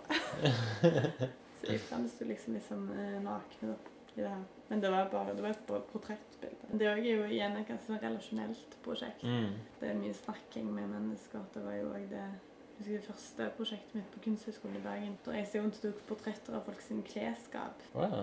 Som en sånn eh, Jeg tenkte Hva sier klærne dine om deg? Mm. type. Så jeg eh, fikk eh, tilgang på 15 klesskap som jeg da gikk og la alle utover gulvet til en abstrakt komposisjon. Oi. Og tok et portrett av hver person da, Ja. Uten folkene. uten Mm. Etterpå lagde jeg en sånn film om hver person. At jeg eh, møtte mennesker som, som ikke kjente denne personen, men som tolka dem ut ifra okay. den her kles... Ja, vel, så litt sånn mann, Bildevis. en morsom mann på gata. Ja. Ja, ja, litt Ja. sånn eh, Og når de skulle snakke om det som sin beste venn, da. Så jeg Ja, ja. en video om hver person som da hadde disse klesskapene. Så det var jo veldig relasjonelt. Ble kjent med ekstremt mye mennesker. Men de tingene du gjorde i USA, da, var det òg litt i den duren? Ja. Nei, det var jo ikke akkurat likt, men det, det var jo um, Det var jo, ble jo kjent med veldig mye folk der òg. Det var jo veldig sosialt prosjekt. Men hva det var for noe? Du har sikkert betalt meg helt uh, ja. Nei, der jobbet vi jo med et prosjekt som handla om kulturell identitet, egentlig. Jeg har vel funnet ut at eh, jeg vet ofte ikke hvor prosjektene skal ende når jeg begynner på dem. Okay. Jeg må bare, Når jeg får sånn instinkt eller sånn intuitiv følelse at dette er interessant, så må jeg Ja. bare stole på denne Mm. intuisjonen og gå, gå i gang. Og det var vel det som skjedde med denne her dette prosjektet i USA. Det var en sånn fascinasjon med som starta for meg og hun som jeg jobba sammen med. Var egentlig bare på en tur i USA for å se på kunst i California og i New York av alle. og så kom vi over en haug med mennesker som uh, sa at de var norske. Oh, ja, sånn, ja. Som sa ja, ja, hvor kommer dere fra? Ja, men norsk. Vi kommer fra Norge. Å ja, det gjør jeg òg. Så ble vi litt fascinert av denne her um... Men var det at de claima at de var norske? At de var sånn Ja, jeg har norsk Ja, de var jo Beste av norsk De var jo av norsk mm, heritage, ja. eller eh, avkomst, holdt jeg på å si. mm. Etter Etter mel. etterkommer, ja. Ja. Etterkommere av nordmenn. Mm. Eh, og da ble vi ganske fascinert av den delen av historien som bare ble glemt. Vi lærte jo ingenting om det her i, i norske Nei. historietimer. Eh, at eh, vi lærte bare at det var mange som flytta til Amerika. Men vi forsto aldri fikk aldri noe innsyn i hvordan det var å flytte til Amerika. Nei. Så vi ble litt fascinert av den kulturen og den eh, kanskje behovet som vi opplevde hos de eh, for å snakke med oss bare fordi vi var norske. Mm. Vi fant ut at vi ville gjøre et prosjekt på det uten å egentlig ha en fast form. Mm. Så vi kontakta et uh, college i USA som er norsk-amerikansk, som vi fant, da. Som har det eneste studiet i verden som er på norsk kultur. Det ligger i Minnesota. Ja, OK. Så de har en hel norsk avdeling på St. Olaf College. Og eh, kontakta de, og så fikk vi være sånne visse ting Vi fikk komme og jobbe på de skolene og bruke den som sånn forskningsbase for prosjektet. Så dro vi ned der to måneder egentlig bare finne, for å finne ut hva prosjektet skulle handle om. Så det var jo veldig sånn sosialt. ikke sant, sånn Ja, ja, Si. Det, det handla jo igjen om å trenge inn i et miljø. Mm. Da gikk vi jo inn med hud og hår og gikk på absolutt alt Ja. som fantes av nordiske eventer. Vi gikk på Nordic Jam, vi gikk på nordiske Sons of Norway-møter, vi gikk på gudstjenester i den lutheranske menigheten. Vi gikk på absolutt alt. Eh, for å bli kjent med folk. Og på sånn der Norwegian Conversation Table på St. Olaf College. Okay. Det var liksom en haug. Vi snakket med hundrevis av studenter. Spiste på Olies, eh, restauranten. Mm. Var oppe på Halverson-butikken og lagt lefser. Så vi, vi dro liksom egentlig bare Vi hadde alle antenner ute og henta en masse yeah. informasjon. Mm. Og um, så plutselig satt vi gjerne på en pub på denne Nordic Jammen, som møtte meg het Neil. Og sier han ja, konen hans kommer fra Spring Grove, for det var en sånn plass som jeg hadde hørt om. For det var den første okay. ok. norske settlementet i Minnesota. Ah. Så fikk vi dra og møte hun, og så sier hun ja, men jeg skal ha en tur ned til min mor om to helger, vil dere være med? Så fikk vi være med på biltur ned til Spring Grove. Så bodde vi hos en eller annen familie der nede og ble kjent med alle. Og der sto det liksom 'Velkommen til Spring Grove', og det var vanntårnet hadde rosemaling på, liksom. Når vi var der, så begynte jo prosjektet å handle mer om sånn tregenerasjonskultur. Mm. Hvordan en kultur da forandrer seg Mm. arves ned og forandrer seg gjennom yeah. generasjoner. Og hvordan når en da på en måte blir, forsvinner og blir da hermetisert og rekonstruert. Da er jeg mer i en relasjon av eh, det ønsket av å vite hvor man kommer fra og sette sin egen identitet i en større kontekst. da. Så det var det prosjektet endte opp med å handle om. Okay. Så det ble, Ja. ble mindre og mindre plastisk, egentlig. Mm. For det, du kan veldig lett gjøre et prosjekt som latterliggjør den kulturen. Ja, ja. Vi tok jo en hel Snapshot-serie på sikkert 18 000 bilder, som ble redigert ned til 600, som ble vist i utstillingen som egentlig ikke var tenkt som en um, del av utstillingen i det hele tatt, men som ble en veldig viktig del fortalt om prosessen. Da var vi også på en sånn der norsk høstfest. Det er en festival, en skandinav-amerikansk eh, heritage-festival i Nord-Dakota, der det kommer 60 000 tilreisende okay. for å feire, eller eh, Det er høstnorsk. ja, for, for å feire norsk sin nordiske heritage og høre på countrymusikk. Altså, dette er en liten by i Nord-Dakota. Hele Nord-Dakota på sånn 200 men 1000 mennesker. Ja. 60 000 tilreisende. Det er helt sinnssykt. Det er helt vanvittig festival med folkedans og verdens Da ble vi intervjua av Nord-Dakota, en eller annen radiokanal i Fargo, om prosjektet, faktisk. um, nei, så det ble en, Men vi endte opp med å gjøre et prosjekt om én familiehistorie. ja. Men det tok, tok veldig lang tid, hele den prosessen der. Var det sånn? Ja, det var midt oppi det her. Um, første turen var jo bare research. Det var to eller Mm. to og en halv, tre måneder. Jeg husker ikke hvor lenge. Mm. På høsten. Og da kom vi på hva vi skulle gjøre. Mm. Men vi begynte på en hel haug med prosjekter Ja. for å finne formen. Og så fant vi ut et videoverk som vi virkelig hadde lyst til å gjøre, Mm. som handla om en familie. Så søkte vi om penger og fikk, tror vi fikk 100 000 av Kulturbyfondet. Mm. Og så fikk vi penger på Vederlagsfondet til å reise ned og gjøre det første videoverket. Ja. Så reiste vi ned igjen i to måneder på våren, vår sommer og etterpå. Og så ble vi ikke ferdig med det prosjektet. Så da reiste vi ned vinteren etterpå Mm. lagde en utvidelse av det. Ja. Og hadde en utstilling i Iowa samtidig. ja. Urelatert. Det var eh, første delen ble vist Ja, der. Ja. Og da hadde vi vist med Snapshot-serien, og så viste Mm. en portrettserie som hadde lagd. Ja, Egentlig okay. mest for å teste det. Mm. Som da besto av um, 20 portretter, eller 18 portretter, som til slutt ble 80 portretter. Ja. Av uh, kjæledyr og barn som hadde fått et uh, nordisk navn. Ok. Eh, som er inspirert av sin heritage. da. Ja. Så det var alt fra hunder som het Trygve, til uh, små jenter som het Nissa. Og en gutt som het Bergen. Oi. Det var veldig mye forskjellig. Uh, mange Ingeborg. Mm. Uh, og så hadde vi fått de til å presentere seg på lydbånd. da. Så det var sånn lyd og bilde. Ah. Så når det gikk fram til seg, så begynte de liksom å snakke til deg og si Hello, I'm Ingrid. Mm. Genova Box Street Backland. Sånne ting. Så deler Det ble nesten sånn testvisning den jeg gjorde. da. Så da var vi en måned. Og så Da var jo Regine gravid med sitt første barn. Det ble et stort prosjekt ut av det. Ja. Ja. Og så vi dro jo vi Endte opp med å dra tilbake igjen en gang til for å få flere portretter og unger. Mm. Det var vel i 2015. Ja. Jeg vi var på en sånn 17. mai-turnéfestival. Den, òg. vi var der sikkert fem ganger eller noe sånt. Ja.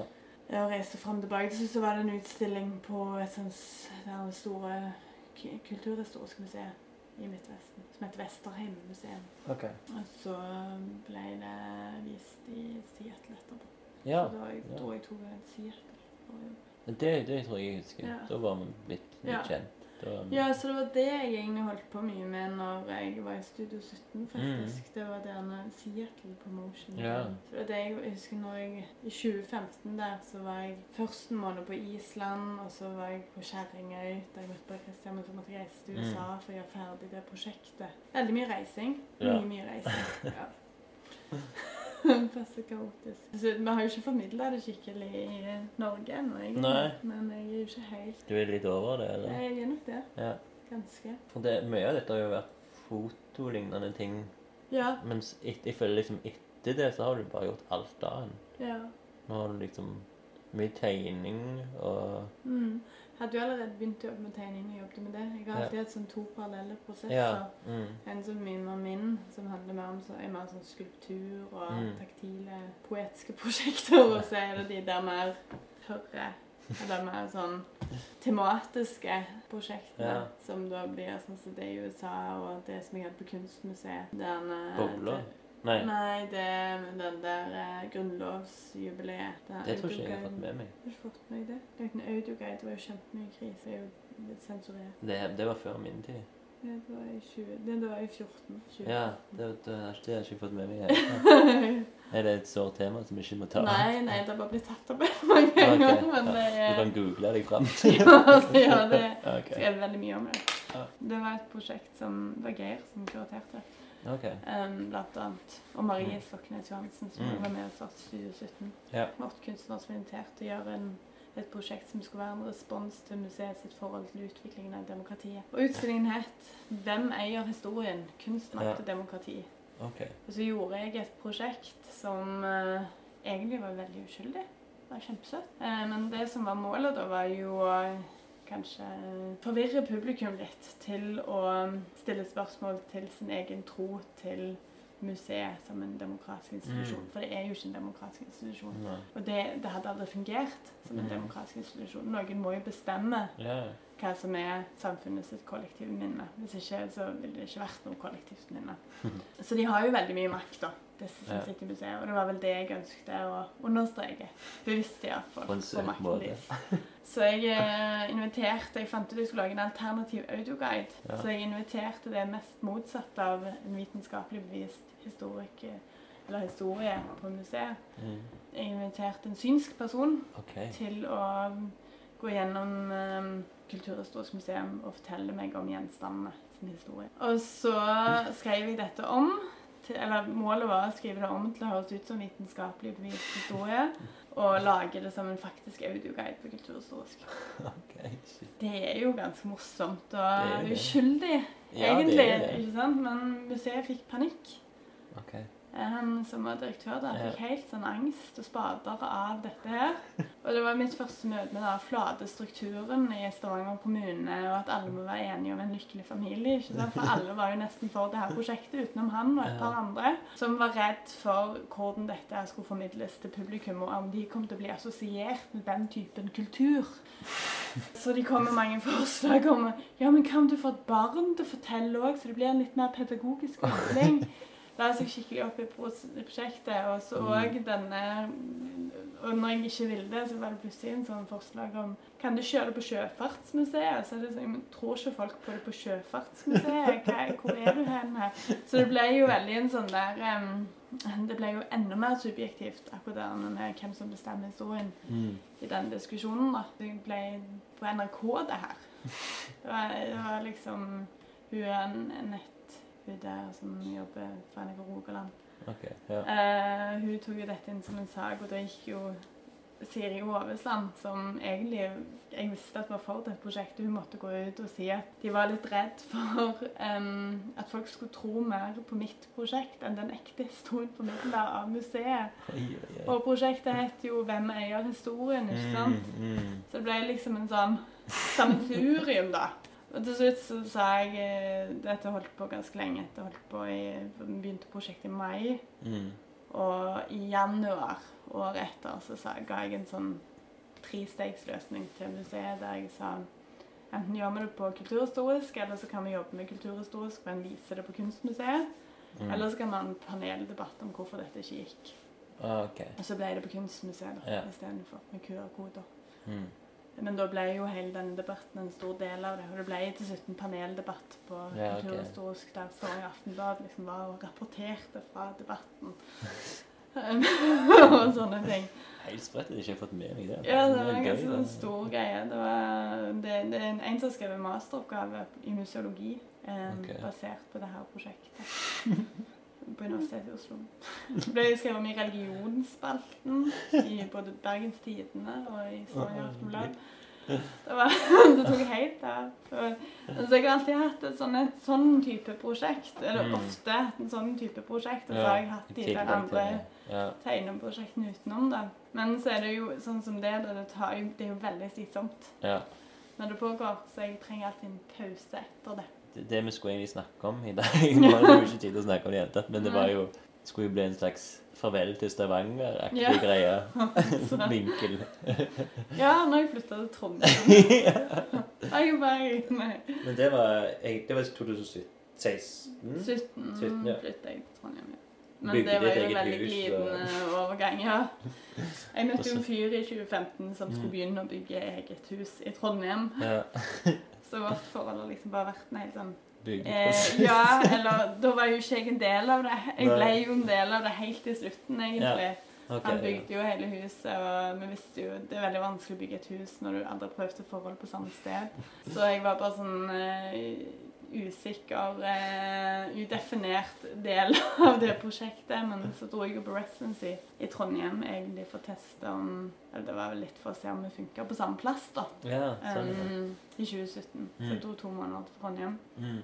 for å ha atelier og leilighet, som jeg bodde i to netter, tror jeg. Um, og da uh, var jeg jo med på innspurten Mm. i husbygging, da. Mm. Så vi flytta inn sammen i august. Ja. Jeg dro der til i mai, og så flytta jeg dit. Og så vasket du ut atelieret ditt nå nylig. Ja. Fikk ikke atelier med en gang i Trondheim, og så var det jo litt sånn Det var jo noe med at Stavanger aldri fikk noen sinnssykt bra atelierer. Eller Mm. atelieret mitt på Elefant var helt fantastisk, men Ja, de, de nye på Tau var veldig, veldig bra. Ja. Um, og jeg ville ikke havne i den situasjonen at hvis det da plutselig ikke funka i Trondheim Vi hadde jo, vi sånn, hadde jo faktisk ikke testa ut å bo på samme nei. sted. ja. Kunne jo være med ville fortsette på avstand òg, for alt, det, Ja. alt jeg visste. Så selv om kanskje ikke var det jeg håpte på eller trodde, så, så var det jo en slags Man kan jo ærlig si det at det var en backup-løsning eh, med tau. ja. Men jeg ville jo ikke sitte uten atelier i Stavanger. Hvis jeg, jeg bestemte meg jo ikke for å flytte til Trondheim når jeg dro i mai der. Nei, nei, Jeg dro jo bare for å teste hvordan det var. Og Men så var det du- først i august jeg bestemte meg for at jeg kanskje bodde der da. Ja, ok. Men hadde du et helt år til atelier? Ja, jeg hadde det. Og så hvor mye vil du tippe du var der? det var jo nesten ingenting. Jeg var der i ehm, Jeg var der jo når jeg jobbet med det prosjektet Støløst, så jeg var der i Ja. oktober og november. Mm. Og så var jeg der i når jeg hadde skolesekken. Ja, ok. Det var liksom i april og i mars. Nei, februar. Og så når du var lærer på Nei, du, du er ikke lærer på kunstskolen lenger? Jo, jeg var det nå nettopp. Da, Ja. Jeg hadde den siste måneden. Ja. Så i september-oktober hadde jeg det òg nå. Mm. Jeg var der jo nesten ikke. Jeg, Mm. det er faktisk, jeg føler det er litt skittent. Men det, det var ikke meningen som på en måte som en sånn utspekulert greie at jeg skulle ha atelieret mitt som lager. Det var mer at Ja. jeg ville vite at jeg hadde en plass, en bra Mm. plass å jobbe i Stavanger. Og så når jeg med en gang fikk atelier i Trondheim og, For jeg hadde heller ikke atelier i Trondheim. Det tok et år før jeg fant Ja. atelier i Trondheim. For det, var, det er en kjempevanskelig ateliersituasjon når du er etablert. For ny- nyetablert er det mye lettere. ja, ok. Ja. Um, så jeg hadde um, et år der jeg delte med Per Christian. Mm. Da ville jeg vite at jeg hadde et atelier i Stavanger hvis jeg skulle jobbe med et stort prosjekt. ja, sånn, ja. Så det var vel egentlig mest det som lå til grunn for at jeg ikke sa det opp tidligere, faktisk. Ja. Men med en gang jeg visste at jeg fikk et atelier i Trondheim, så sa jeg opp Ja. i Stavanger. Mm. Og det var bare noen måneder siden. Ja, Jeg fikk overtok det i september. Ja. Mm. Så det var ganske seint, egentlig. Hvordan er liksom kunstmiljøet i Trondheim i forhold til Stavanger? Hvis du prøver, vil prøve å sammenligne. Nå har du vel kommet litt inn i det miljøet? Ja, jeg er veldig Det er jeg absolutt. Jeg, Ja. For jeg har, jo, jeg har jo vært deltid i det miljøet òg i et Ja. år før jeg slutta. Nei, det er kjempefint. Ja. Det er helt fantastisk, der òg. Altså, Mm. Du kan jo på en måte sammenligne det litt i den eh, Litt sånn som i Stavanger. Når du kommer som ny i Stavanger, så blir du veldig inkludert. Folk syns det er veldig stas med nye mennesker. Mm. Oi, vil det komme noen til Stavanger? Wow! Så det blir veldig godt tatt imot. Og sånn Ja, føles sånn, det ja. litt i Trondheim òg. At det er et veldig inkluderende og sånn jovialt miljø. Folk vil hverandre vel. Mm. Og syns det er kjempekjekt at du kommer dit. Ja, så bra. Så det er ganske likt. Det er ikke så stort. Det er nok eh, større enn Stavanger, men Mm. det er ikke så veldig stort. Det som kanskje er forskjellen, er at det er et mye yngre kunstmiljø. Ja. Der er hele min generasjon er det nesten ikke. Yes. ja, ja. ja. For Og de i er det jo 40-årene er det ikke. Ja, Det er jo noen få, men det er ganske, ganske Mm. få i forhold til her. for de har et akademi der Ja, som gjør at det Men blir så er det litt veldig mange som er født sånn slutten av 80-tallet, begynnelsen av 90-tallet. Ja, okay. Så de er jo på en måte på vår alder Ja, likevel. Men det er liksom De er litt yngre. Ja. Der er det eh, mange yngre, og det er flere og flere som velger å etablere seg etter akademi i Trondheim. da. Okay, ja. Så det er kjempepositivt. Men har de en prosjektgruppe Normans, en Studio 17 har, Nei, De har de, liksom, har, eh, de har rake visningsrom. mm, det, Da kan vi si det er ditt prosjekt om Normans, da. Ja. Hvis du skal sammenligne. ja, er nei, for du har rake atelierfelles arbeidsfellesskap, og du har rake visningsrom. Det er to litt forskjellige ting. Ja, men rake visningsrom, det Det er litt, ja, det er jo sånn nordmanns, men Ja. det er nok mer en sånn kombinasjon, da, kan du si. Det er jo mer etablert. Det var jo mer etablert enn Studio 17, men Studio 17 har jo blitt veldig etablert. Så Ja, sånn, ja. ja, men eh, Men det drives av to personer. det drives av eh, et par, ja. Ja. Det drives av Trygve Øren og Charlotte Rostad, Ja. som er nære venner med. Ja, Så- ja. Han er jo arkitekt. Det er jo han som har tegnet huset som jeg bor i òg. Er det det, ja? Ja. Ok, shit. en liten sirkel der. og Veldig lite internt miljø der òg. Ja. Um, Men de har liksom De har andre sånne er jo, du har, kunstnerstyrte plasser, tenker jeg på da. det er ikke så mye kunstnerstyrt, nei. Det er, Ikke i Trondheim? um, Det er rake. Okay. Men jeg håper jo det kommer noe nytt. Noen yngre som starter noe, kanskje. Det hadde vært bra. Der er um, Dropsfabrikken, som er et kommersielt galleri. Og Ok. så er det Kunstforeningen, Kunstmuseet, eh, Heimdal Kunstsenter, Galleri Blunk, som er Akademiet sitt galleri. Ok. i Babel, som er det Anna har stilt ut. og Ja. stilt ut. Det er jo på en Der måte nede var det òg noe Der med Babel så var det òg noe der nede som virker litt sånn Ja, det var Gary Blunk. Det er Og Blunk, det, ja. og det drev av studenter. ja. Det var veldig kul. Ja, det er, veldig, det er jo litt likere enn Studio Ja. 17 stil. Jo, jo. Mm. Det er veldig kjekt. Det er jo rett ved med nabo, nesten. Ja. det er fordi du bor på Svartlemoen. Ja. Han punkene. Det er ikke så mange punker. Nei, men det er veldig, veldig fin plass å bo. på. det som jeg òg opplever veldig i Trondheim, er at det, at det, er, mye, det er veldig mye sånn goodwill. Men sånn, hvis folk får eh, stipend, eksempel, så er det ikke mye sånne negative skuldre. Altså sånn albuer og sånn. Det er veldig sånn Ja, du fikk stipend! Dritbra! Ja. Gratulerer! Det er mye mer den genuine ja. positive, da. Eh, og den, det tror jeg kan jo ha noe med at vi bor jo i et sånt miljø. Mm. Altså, Atelieret mitt er jo òg på Svartlamoen, så Den som heter Rake òg. ja.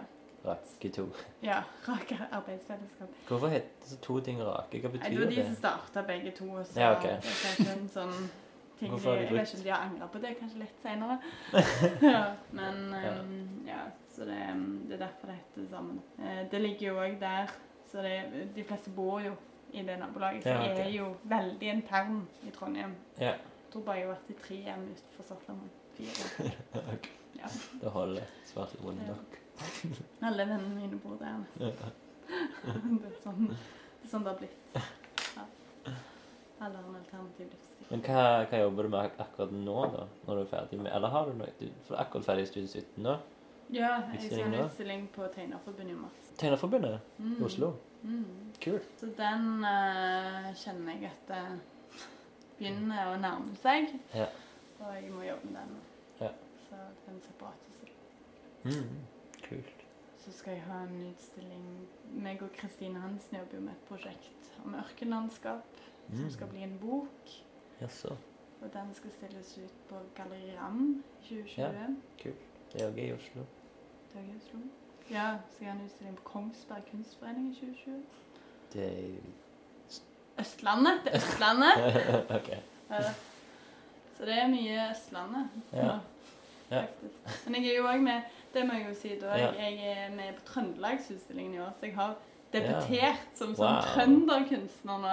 OK, cool. Jeg har jo hatt to utstillinger i Trondheim før, men ja. dette var liksom Trøndelagsutstillingen. Der kan du jo bare søke hvis du er, bor i Trøndelag. Ja. Hvor de har den, det?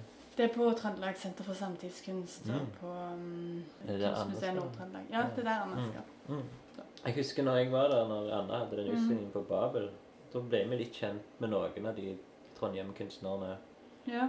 Og det, det var veldig hyggelig. Men de sa hele tida sånn Ja, å, Stavanger, ja. Det er jo litt sånn den eh, Norges Berlin. Oh, ja. det sa de da. Det var liksom, Ja. Det begynte å bli noe. Jeg Ja, forstår ikke hva de mente med det, men det var Ja. liksom Nei, men de, det de er jo veldig nysgjerrige. Mange er så nysgjerrige på Stavanger. ja. Det er jo litt sånn vag kraft for dem, men det er vel kanskje at man ser at det er litt samme størrelse. Ja. Litt samme type kunstmiljø, mm. Bare at vi ikke har et akademi som de Ja, det er jo et minus sånn sett. Mm. Men det er jo allikevel For Tau er jo egentlig inspirert litt av Lademoen kunstnerverksteder. Men oh, ja. nå har det jo da på en måte blitt mer sånn at Trondheim ser til Stavanger igjen. ikke sant? Ja, sånn, ja. For det der er det jo flere kulturgreiner. Så nå lager Mm. Breisida-prosjektet der, som er for musikk og teater Ja. og fellesverksteder. Så det er liksom morsomt parallell Ah, okay, ok, kult. Det er interessant å se på. Det, gøy. det, det er jo være en del av begge miljøer. Jeg føler fortsatt jeg er en del av Stavangers miljø. Ja, ja, men det Mm. Men du kommer vel titt og ofte tilbake igjen ja, gjør på besøk? Gjør det å undervise og ha kulturelle skolesekk. Jeg kom på Bergman-segmentet, men det tror jeg jeg må ringe deg om. Jeg tror vi Ja. må ta et sånn Bergman-ringe-segment. Bergman.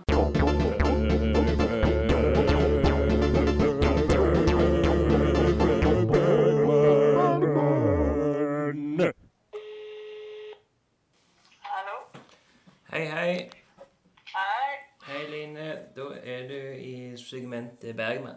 Ja, Eh, kan du få forklare det? det er jo Ingmar Bergman det er litt handler om, da. Ja. Har du noe forhold til han? Ah, ikke så veldig. Selvfølgelig. Ja. Men eh, det som egentlig er greia, det er at vi skal jo finne tittelen på episoden. Ja. Og det gjør vi nå i eh, sesong 12 med å, at jeg har en bok som heter Ingmar Bergman fra A til Ø. Ja. Og så skal du velge en bokstav. R. R. Noe spesielt grunn til det. Jeg vet det, så etter en bok. ok. Ja. Da skal jeg finne den her, hva som står her. Lese litt. Og så skal vi relatere litt til det eller noe. Og så finner vi en tittel på episoden som er, er, er i nå. Som er inspirert av det. Ja. Eller han er i den teksten, kanskje. Til og med. Ja, det er så mye som kan skje. OK. Radar. Radar, ja. Det er jo kjempefint. Da er det under tittel eh, Det er engelsk òg, så det står 'Detection System'. Det er det Det høres bra ut.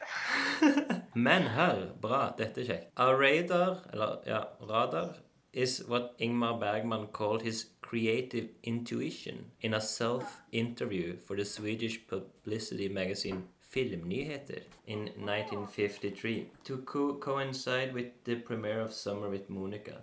And as he repeatedly pointed out throughout his career, intuition was his most important professional tool. He emphasized its importance while discussing how he worked with his actors during a seminar at the American Film Institute in 1975. For instance, I try to be like a raider. I try to be wide open because we have to create something together. Actor, actors who worked with him acknowledged this, saying that his attention to detail was Her kommer det et ord som jeg aldri har hørt før. Seismographic. Seismographic. Kjenner du til det ordet? Nei, hvordan skriver man det?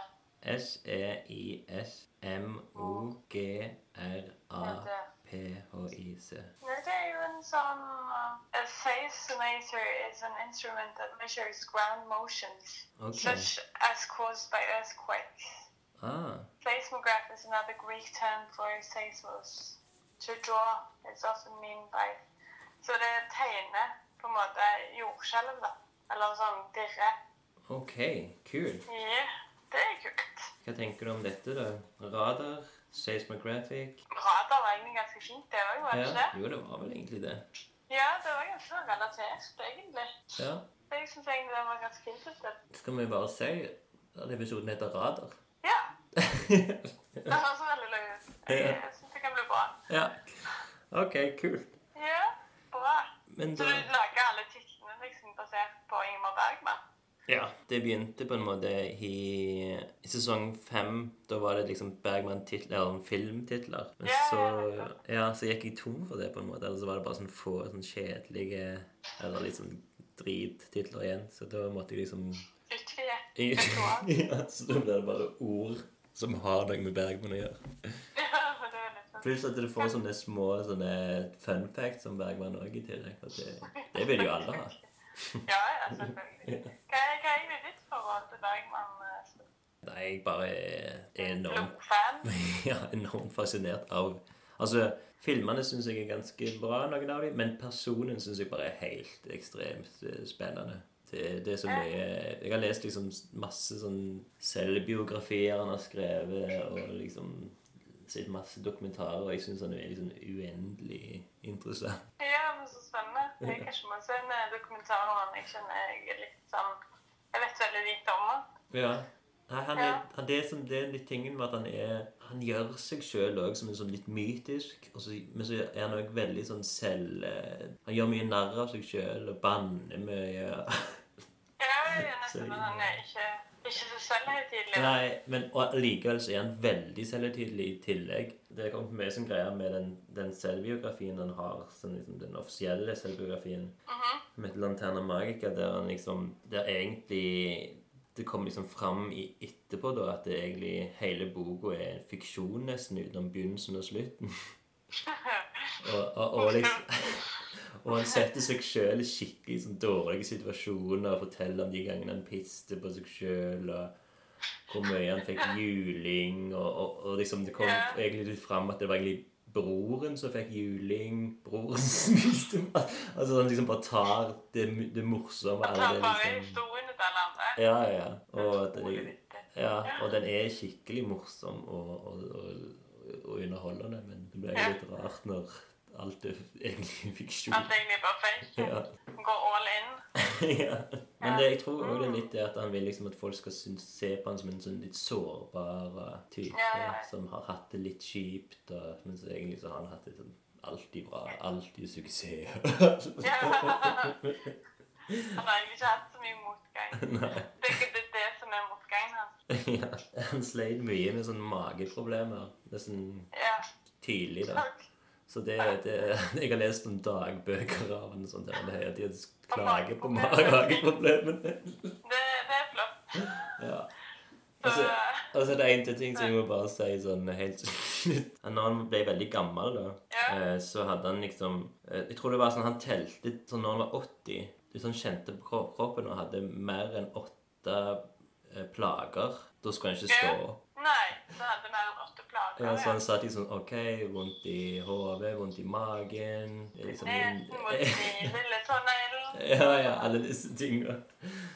Men, men jeg tror som regel så så kom han aldri til Sånn som når han var 70, så sånn, hvis han fikk syv plager, Så våkner han Ja. til. Men dette er jo også sånne ting som han sier for å virke mer interessant enn jeg, jeg Ja, tenker. for jeg virker veldig sterk, hvor ofte har du plager? ja.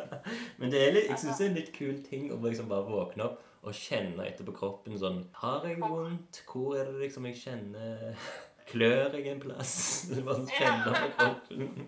Ja, jeg klør litt under veldig Da gidder jeg ikke våkne i dag. Ja, nei, det er jeg, det blir bare sove, tror jeg. Det er veldig fint. Men det er nydelig.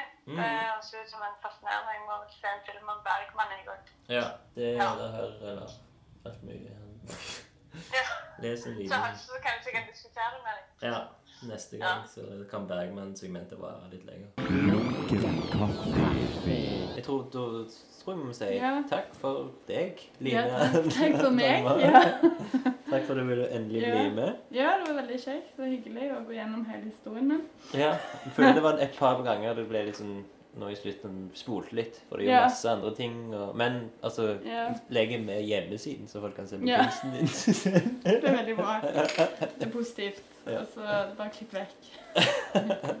Noe. Det er en, det er en lang samtale, det. Ja. Ja.